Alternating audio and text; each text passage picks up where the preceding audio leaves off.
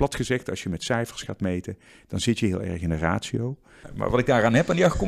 Het overgrote deel van de aankopen die wij doen, die doen wij intuïtief. Die doen we op basis van gevoel. Op een gegeven moment kom je erachter dat het maar een halve waarheid is. Hè? En onze held wat dat betreft is eh, Daniel Kahneman. Je luistert naar De Transformatie. In De Transformatie praten we met mensen en bedrijven die een omwenteling hebben meegemaakt of die een omwenteling mogelijk maakten. Uh, digitale transformatie van analoog naar digitaal, van product naar dienst, van cost leadership naar customer intimacy. De transformatie wordt je aangeboden door Bluerick. In deze aflevering praat ik met Mark Stoor van Forum Research over de transformatie van klanten die tevreden zijn over je naar klanten die niet meer zonder je willen. Kan je jezelf voorstellen? Ja, mijn naam is Mark Stoor. Ik uh, ben uh, trotse directeur en eigenaar van het leukste marktonderzoekbureau van Nederland, Forum Business Research. En uh, het is vooral zo leuk omdat wij heel veel onderzoek doen naar de liefde. Dus wij zijn experts in de ware liefde. En wat we daar precies mee bedoelen, nou, daar komen we dadelijk vast nog wel eventjes op terug. Maar dat maakt het wel ontzettend leuk.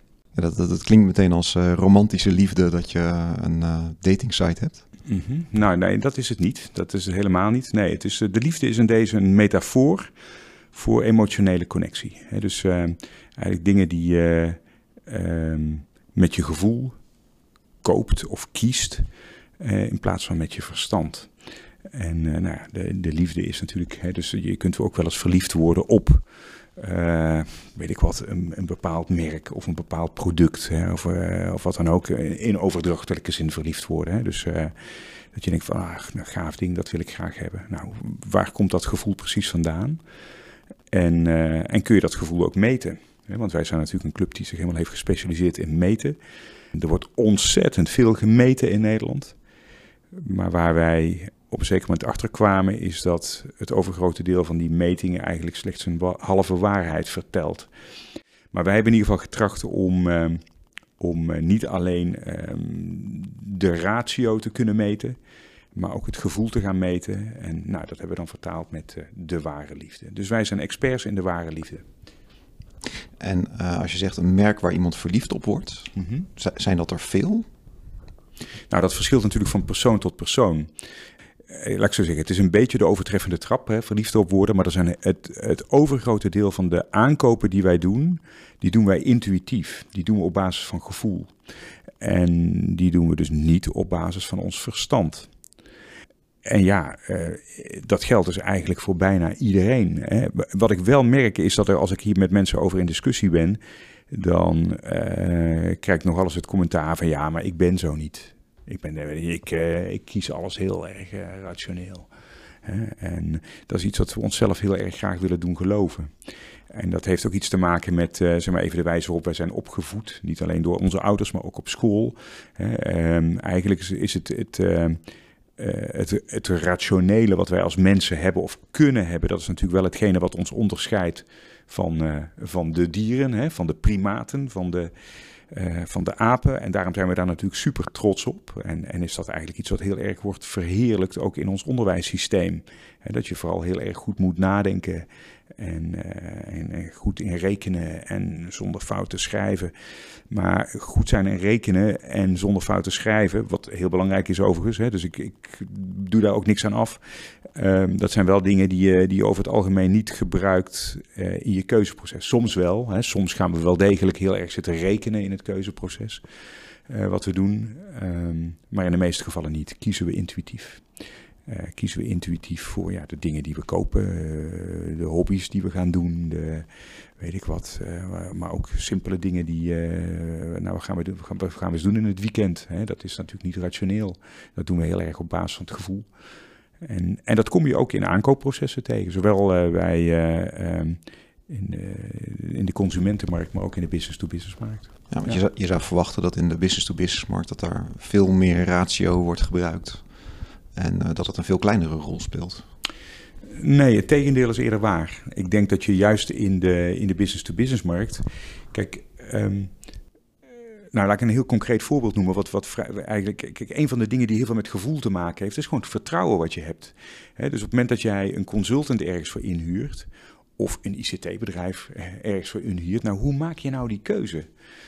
en ehm, ja, ik weet wel dat, dat op het moment dat er, dat er inkopers betrokken zijn, hè, dat die heel erg het keuzeproces willen rationaliseren. Hè, want dan Um, wordt er van tevoren een lijstje bedacht met aspecten, met criteria, waar we dan die leveranciers, hè, de, al die kandidaatleveranciers, waar we die allemaal op gaan zitten renken, waar we scoren. Um, het grappige is dat we daar ook, ook onderzoek naar hebben gedaan. Um, en dan blijkt eigenlijk dat dat proces vaak andersom gebeurt. Hè. Dus ik, ik, zie dan dus mensen die in dat panel zitten, die dan uiteindelijk die scores moeten geven. Die hebben eigenlijk hun keuze bepaald. Ze zeggen van, nou, ik heb bij die het beste gevoel. Hè. En op basis daarvan worden die scores toegekend. Hè? Of er wordt ook nog wel eens wat gecorrigeerd als er niet de juiste uitkomt. Um, en dat is, dat is ook hetgene waar heel veel ja, fundamenteel onderzoek naar is gedaan um, vanuit de psychologie. en onze held wat dat betreft is uh, Daniel Kahneman. Daniel Kahneman is een Nobelprijswinnaar. 2002 in de economie. Een psycholoog die de Nobelprijs in de economie heeft gewonnen. Nou, dat is al op zich al heel erg veelzeggend. En hij heeft zich precies met dit gedachtegoed uh, bezig gehouden. En hij heeft ook aangetoond dat we die, die, um, die beslissingen, hè, waar ik het net over had, dat we die vaak al genomen hebben. En ze achteraf pas gaan uh, rationaliseren. Nou, en als je zegt, ik heb, ben in onderzoeken tegengekomen die ik heb gedaan naar inkoopprocessen van bedrijven. En dan zie je datzelfde fenomeen zie plaatsvinden. Uh, ik zeg overigens ook niet dat het slechte is om met scorelijstjes te werken hoor, in inkoopprocessen. Natuurlijk, je, je, moet wel zeker zijn dat je alle aspecten allemaal meeneemt en dat je een zorgvuldige afweging maakt. Uh, maar we onderschatten de kracht van ons gevoel nog alles in dat soort dingen. Ja. En um, als je kijkt naar de, de consumentenwereld, mm um, je noemde ook uh, meetbaarheid. Ja. Um, ik kan me voorstellen dat uh, als je als bedrijf veel meer online doet, dat je steeds meer kunt meten. Um, heeft dat ook betrekking op die emotionele klantband? Um, ja, kijk nou, eerst even een stapje terug zou ik zeggen. Kijk, wat, wat, je, wat je ziet, waar wij achter zijn gekomen, is als je aan mensen getallen gaat vragen, met name getallen vragen. Dus of dat nou een, dus een score die je, die aan mensen vraagt om te geven op een bepaald product of een bepaald onderdeel van de dienstverlening. En ik kom dat heel erg veel tegen in onderzoek wat er gebeurt. Zeg maar even de traditioneel wat we dan noemen tevredenheidsonderzoek of NPS-meting of noem het allemaal maar op. Waarbij hele uh, staatjes worden voorgelegd met aspecten van, nou, kun jij eens even scoren, wat vind je van onze snelheid en van onze duidelijkheid en van onze accuratesse en ga zo maar door. Hè? Allemaal aspecten waar we dan allemaal cijfertjes op vragen.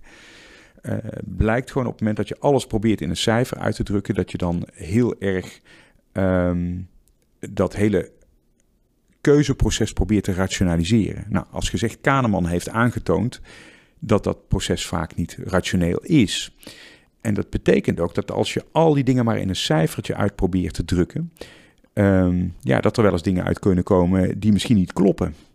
Hè, omdat um, ja, dat cijfertje, dat cijfertje is zodanig, weet je, ik, ik, niet dat ik mensen uh, zeg van joh, dat ze de zaak zitten belazeren bewust, hè, maar dat, dat is niet zo. Uh, het gaat erom dat, uh, Kahneman heeft eigenlijk gezegd, op het moment dat je keuzes maakt voor bepaalde producten of diensten, er zijn er twee systemen actief. Dat is het rationele systeem en dat is het intuïtieve systeem, het gevoelssysteem. En dat gevoelssysteem is bij de meeste keuzes die wij maken dominant. En achteraf gaan we heel snel, heel snel achteraf gaan we rationaliseren. Nou, het betekent wel dat op het moment dat je al het onderzoek, hè, dat je probeert in een onderzoek dat keuzeproces van mensen eigenlijk te simuleren. Hè, dat ik eigenlijk, want dat is wat we in onderzoek natuurlijk heel veel doen, dat we proberen te begrijpen, god, waarom heeft die klant daar nou uh, die en die keuze gemaakt? En uh, nou kunnen we daar een vinger achter krijgen. En we leggen dan een hele trits met uh, aspecten voor in de uh, veronderstelling dat al die cijfertjes die we dan scoren, hè, en dan nemen we een mooie steekproef, dat dat op zich een hele goede um, representatie van de werkelijkheid is. En dat is dus vaak niet zo, want dat proces is veel minder rationeel dan we denken. Plat gezegd, als je met cijfers gaat meten, dan zit je heel erg in een ratio. Hè, en als je dat intuïtieve wil meten, dan moet je dus andere dingen doen. Hè, dus, dan, dus wij hebben meetmethoden ontwikkeld Um, die juist niet in cijfers uh, meten, maar op een hele andere manier meten. Om toch dat intuïtieve aspect, hè, wat zo belangrijk is in dat keuzegedrag, om dat toch uh, op de een of andere manier boven water te krijgen. Ehm, nou, en, en, en eigenlijk, hè, even weer terug naar Kahneman. Kahneman heeft gezegd er zijn twee systemen. Hij noemt het systeem 1 is het intuïtieve, systeem 2 is het ratio-stuk. En je moet beide moet je meten. Terwijl 99 van de 100 of misschien wel 999 van de 1000 uh, eh, evaluatieve uh, vragenlijstjes die ik voorbij zie komen... Um, ja, die proberen de hele wereld uit te drukken in een cijfertje. En zo zit de wereld gewoon niet in elkaar. En, kan je een voorbeeld geven van een aspect wat je dan niet cijfermatig gemeten hebt en wat daar de uitslag van is? Nou ja, ik heb net dat, dat, um, um, dat voorbeeld genoemd van een inkoopproces, hè, want jij had het over business to business. Um, we kunnen dadelijk ook wel eventjes een doorsteekje maken richting, uh, richting consumenten. Uh, maar in inkoopprocessen, wat ik al zei, ook daar speelt gevoel heel erg een rol. En daar kwam ik er ook achter uh, in onderzoeken die ik deed, dat um, de aspecten die uiteindelijk het meest bepalend waren in, um, in de keuze die mensen maakten voor een bepaalde leverancier, die stonden vreemd genoeg niet op dat lijstje van aspecten van de inkoper. Dat waren, uh, ja, wat je zou eigenlijk veel meer de zachte aspecten. Bijvoorbeeld het vertrouwen in die leverancier. Kijk, bijvoorbeeld bij ICT-inkoop, dat is zo'n mooi voorbeeld. Um, je kunt proberen alles natuurlijk te vangen in een, in, in een mooi lijstje met aspecten. Uh, maar wat je heel veel ziet in ICT-projecten, zeker grote ICT-projecten heb ik het over, hè, ja, dat, je kunt het van tevoren nog zo mooi bedenken. Hè. Je kunt een, uh, weet ik wat, je kunt het, het, project specificeren en een scope en weet ik wat allemaal kun je allemaal. Maar je één ding weet je zeker, je gaat in de loop van dat traject ga je dingen tegenkomen waar je van die je van tevoren niet bedacht hebt. En wat dan cruciaal is, is dat je een leverancier hebt die, uh, ja, waar je het vertrouwen in hebt dat hij op dat moment uh, ja, samen met jou hè, eh, in staat is om de juiste oplossing uh, te vinden. Hè, voor hetgene wat je dan van die beer die dan plotseling op de weg komt. Nou, dat stukje flexibiliteit of combinatie van flexibiliteit en vertrouwen en dat soort dingen zie je vaak niet terug in vragenlijstjes. En als het er al wel in zit, ja, hoe ga jij flexibiliteit van een leverancier scoren van tevoren? En hoe ga je dat vertrouwen scoren? Nou, dat zijn hele lastige dingen. En je kunt die vraag wel stellen, hè, van geef eens een cijfertje voor een flexibiliteit. Ja, um, pas als het, als het moment daar is dat je die flexibiliteit nodig hebt, hè, dan, dan blijkt pas hoe flexibel die, uh, die leverancier is. En dan is het uh, ja, in veel van die keuzeprocessen veel beter om ook op je gevoel af te gaan. Van nou, heb ik, heb ik echt het gevoel dat dat iemand is waarmee ik dit grote project in wil gaan. Nou, heb je natuurlijk wel als je een onderzoek doet en daar komt uit, nou, hè, laten we zeggen voor doorlooptijd krijgen we een 6. Van tevoren bedacht dat doorlooptijd misschien een aspect is wat mensen, waar mensen een mening over hebben. Um, dan krijg je daar een 6 voor. En dan denk je van, nou, dat, dat willen we omhoog. En dan is het vrij duidelijk wat je moet doen. Um, maar ja, als er uit een uh, onderzoek blijkt van ja, uh, onze klanten um, die uh, geven aan dat met name vertrouwen voor hun doorslaggevend is, dan is het misschien wat lastiger om daar conclusies uit te trekken. Ja, uh, klopt. Uh, Oké, nou dat is weer het, volgende natuurlijk. Is wat je, dan, dan komt er dus iets uit. Dan komt dus uit dat vertrouwen uiteindelijk het belangrijkste aspect is. Uh, uit zo'n onderzoek. Nou, hoe ga je dan het vertrouwen, hoe ga je dat managen? dat is natuurlijk weer even een, een, een volgend aspect. Alleen het eerste is natuurlijk dat je moet weten dat, dat dat het meest belangrijke aspect is in het keuzeproces van die leverancier. Um, ja, en vertrouwen, ja, dat hangt heel erg af van, nou ja, uh, van persoonlijk contact dat je met mensen hebt. En je ziet dat uh, iets wat nog wel eens wordt onderschat, is de samenstelling van het team. Wat je naar zo'n klant gaat sturen. Uh, dat je ja, een goede balans in je team hebt, waardoor die klant ook denkt van, oh, wacht even, dit is een, een club, daar zit een goede balans in, dat zijn mensen, daar kan ik het, hè, misschien dat ik het met die niet iets minder, maar wacht even, die ander zit erbij. Uh, nou, dat, uh, je kunt er wel degelijk aan sturen, hè, maar het, als gezegd, het zijn wat zachtere aspecten, maar die zachte aspecten zijn vaak veel belangrijker dan de harde aspecten. Als prijs en doorlooptijd en dat soort dingen. Ja.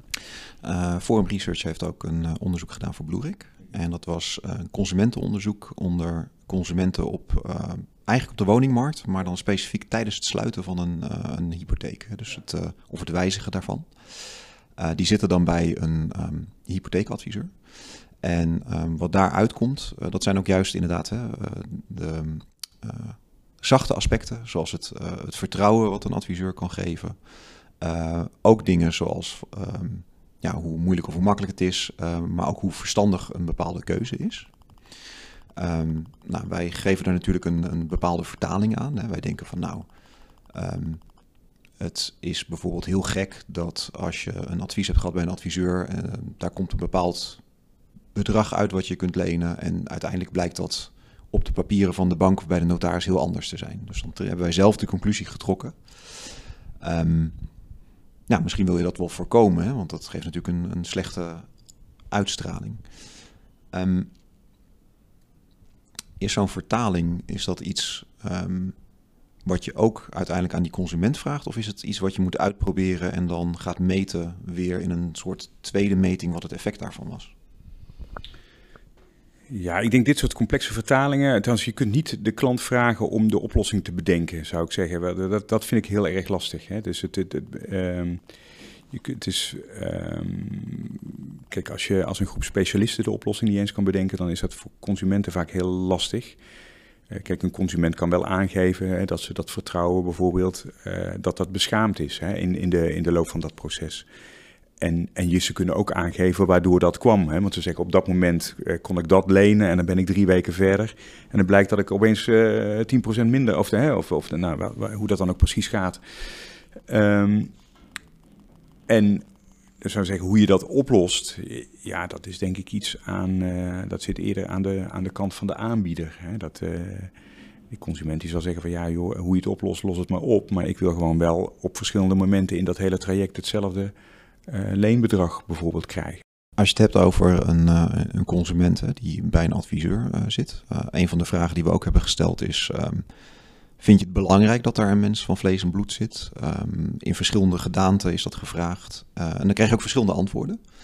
Dus de ene keer dan zeggen ze van ja, ik zou toch wel heel graag heel veel zelf online kunnen regelen. Um, en als het dan meer over die emotionele aspecten gaat, dan blijkt toch wel dat mensen heel veel behoefte eraan hebben aan bijvoorbeeld aan bevestiging. Uh, en dan kom je heel erg tegen die kernwaarden aan van uh, vertrouwen. Hè. Zit er iemand tegenover me waarvan ik ook denk dat het een expert is en die me goed aan het handje neemt. Nu zie je natuurlijk dat veel bedrijven zijn in een transformatie van analoog high touch, dus veel menselijk contact, naar veel meer online, omdat klanten dat willen. Dat zeggen ze ook. Nou, in onze onderzoeken zeggen ze dat ook. Um, komen die dan niet in een spagaat met die softe aspecten? Nee, wat je ziet is dat, dat um, klanten zitten niet op elk moment te wachten op persoonlijk contact. Want bij, uh, in, in zo'n hele journey waar je het over hebt, er zijn een aantal momenten dat je wel graag persoonlijk contact hebt. En dat zit bijvoorbeeld bij hypotheken heel erg aan de voorkant, waarbij het vertrouwen wil hebben.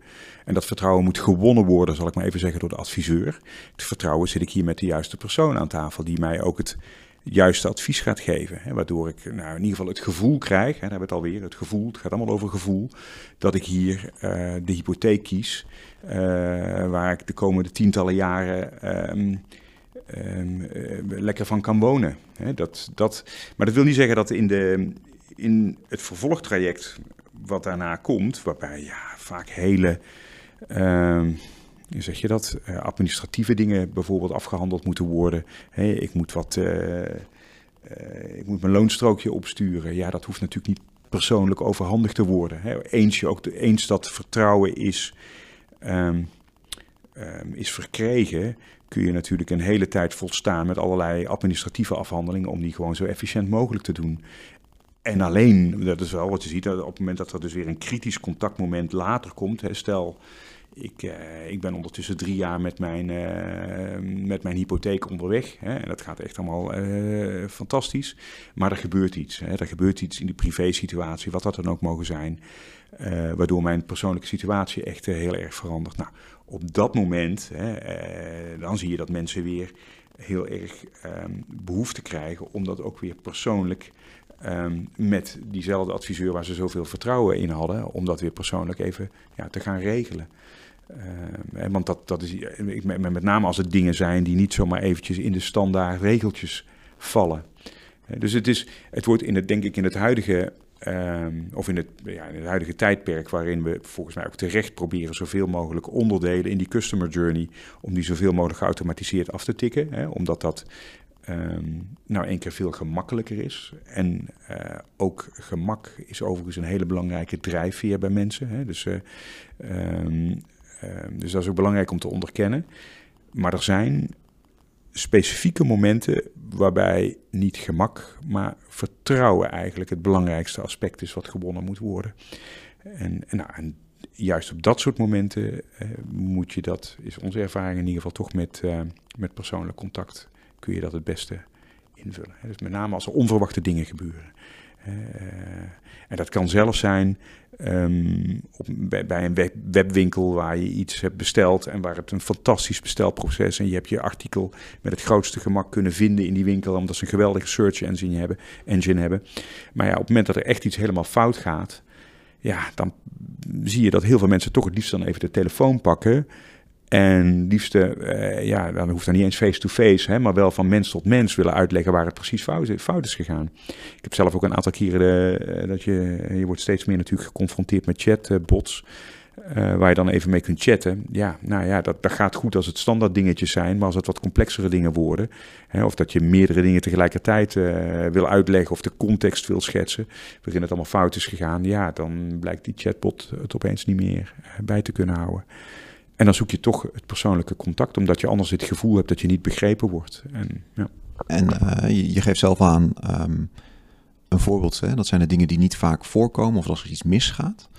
Um, ik kan me ook voorstellen dat er uit jullie onderzoeken ook uh, momenten komen die heel erg kritisch blijken voor een klant die je van tevoren helemaal niet verwacht had dat, dat men daar zo zwaar aan tilde. Um, ja, goed, ja, tuurlijk. Hè, je komt, wij komen in de, de onderzoeken die wij doen, hè, waarbij we dus juist ook dat, um, die zachte aspecten, hè, die intuïtieve aspecten proberen te meten, kom je iedere keer kom je aspecten tegen ja, waar je van tevoren misschien niet aan gedacht had.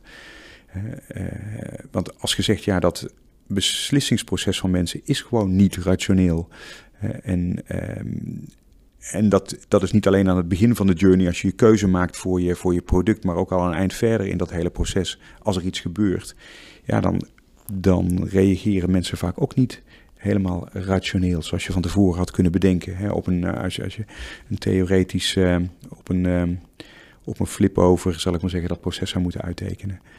Uh, ja, dat is nou enkel zo. De mens is eh, minder rationeel dan we met z'n allen denken. Ja. En, is dat een, um, ook voor, uh, voor jouzelf en voor Forum een besef geweest dat met de jaren gekomen is? Ja, als gezegd, ik, wij, hebben, wij doen natuurlijk al heel lang onderzoek en wij zijn zelf ook um, heel lang in de veronderstelling geweest dat je Um, wij zijn ook met die, met die hele de wave met, met, met NPS-meting en al dat soort dingen natuurlijk allemaal meegegaan. En we doen het overigens nog steeds, NPS-metingen. Er is ook helemaal niks mis met een NPS of met een tevredenheidscijfer. Alleen als gezegd, op een gegeven moment kom je erachter dat het maar een halve waarheid is. Hè. Op een gegeven moment als je wat... Uh, wij zijn een aantal klanten waar wij al heel lang onderzoek voor doen. Dus al heel lang ook die NPS-metingen doen. Uh, vanuit de veronderstelling dat op het moment dat je die NPS meet en er komt een hoge NPS uit, hè, dat, dat, ook, uh, dat dat ook vaak betekent dat die klanten loyaal zijn. Hè, want dat is eigenlijk de hele achtergrond van die net promoter score. Een hoge NPS wil zeggen dat klanten loyaal zijn. En dan blijkt in de praktijk toch dat die klanten weggaan. Ja, waarom gaan ze dan toch weg, terwijl ze nu al jaren aan een stuk een hele hoge NPS geven? Ja, uh, dat is dus niet zo rationeel als je denkt. dus als gezegd, um, als je een NPS meet of een tevredenheidsscore, besef gewoon dat het maar de halve waarheid is. Want dat dat alleen maar het rationele onderdeel is in dat hele besluitvormingsproces. Hè. Dus om in Kahneman er eventjes te spreken, dat is systeem 2 wat je dan aan het meten bent. Uh, helemaal prima, want dat systeem 2 speelt ook een belangrijke rol. Hè. Met name als het gaat om dissatisfiers, dus als er dingen niet goed gaan, dan zie je dat mensen vaak ook op die rationele dingen uh, afhaken. Als het te lang duurt, of de prijs is te hoog, of de service is slecht, of dat soort dingen, hè, dan zie je mensen daar afhaken op, ja, op pure rationele elementen. Uh, maar is het, is niet, uh, het is niet het enige. Is dat afhaken of is dat teruggrijpen op afspraken omdat je dan iets, een stok hebt om de hond mee te slaan, omdat je eigenlijk op een andere reden ontevreden bent?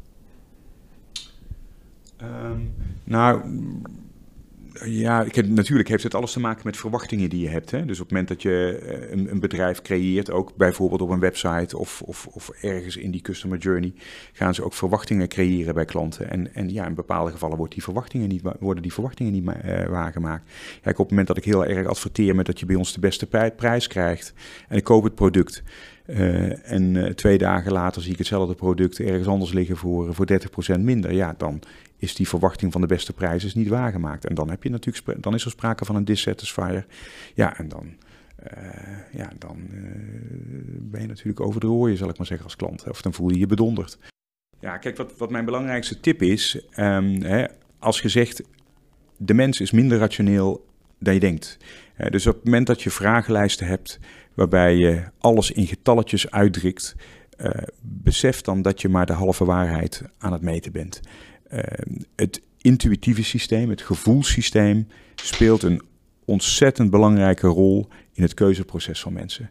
En uh, sterker nog, er is gewoon aangetoond wetenschappelijk dat die intuïtieve dimensie dat die belangrijker is dan, dan de rationele dimensie. Nou, als je die dus niet meeneemt in je onderzoek, ja, dan meet je dus eigenlijk maar de helft of minder dan de helft zou je mogen zeggen.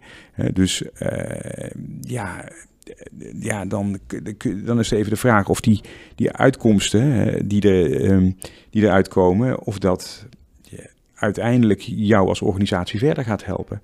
En wat ik zie is dat er eindeloos getalletjes worden gemeten.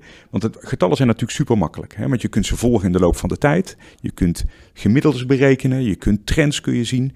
En ik zie steeds meer organisaties blind varen op getallen die worden dan in het MT besproken. En als zijnde, nou, de waarheid, jongens, hier zitten we naar te turen. Nou, besef dat het maar een halve waarheid is, waarin naar je zit te turen. Eh, omdat je gewoon de hele intuïtieve dimensie gewoon niet hebt gemeten. Uh, en ja, daar zijn, daar zijn gewoon slimme oplossingen voor, uh, waarmee je dat wel kunt doen. En dat is eigenlijk wat ik ieder bedrijf gun in Nederland. Om wat verder te kijken, om wat beter te luisteren naar haar klanten. En niet het hele denkproces wat er in het hoofd van klanten plaatsvindt, om dat niet uit te drukken in een getalletje. Ik noem het wel eens als een voorbeeld. Hè. Als je nou eens terugdenkt aan de, aan de mooiste vakantie die je ooit hebt gehad. En dan zeg ik aan mensen, wat zit er nu in je hoofd? Uh, nou, en dan, dan kijken ze me wat vragend. Hè? Ja, wat bedoel je? Ik zeg, nou, zit er nu een getal in je hoofd? Nee, natuurlijk zit er geen getal in je hoofd. Er zitten ervaringen in je hoofd, er zit gevoel in je hoofd. je ziet eigenlijk visueel vaak die, dat mooie moment op die mooie vakantie zie je weer terug. En het gevoel komt ook weer naar boven. En dat gevoel uitdrukken in een getal is eigenlijk een heel kunstmatig iets. Want getallen hebben ooit bedacht om eh, zaken te kunnen administreren in het verleden. Om dingen te kunnen tellen. En hetgene wat in je hoofd plaatsvindt, dat is gewoon heel erg moeilijk te tellen. Dus als je je daartoe beperkt in al het onderzoek wat je doet, ja, dan, dan doe je eigenlijk je klant en hetgene wat in het hoofd van die klant plaatsvindt, doe je eigenlijk sterk tekort. Hartstikke bedankt. Ik, ik geef dit gesprek een 8,6. nou, dankjewel. Ja, maar wat ik daaraan heb aan die 8,6, zeker met een, een 10, uh, schot een cijfer achter de komma. Nou, dat is wel een hele nauwkeurige beoordeling, Wouter. Ja, graag gedaan. Bedankt voor het luisteren naar De Transformatie. De Transformatie wordt mede mogelijk gemaakt door Bloerik. Voor meer informatie over Bloerik en voor alle afleveringen van De Transformatie kijk je op detransformatie.info. Tot de volgende keer.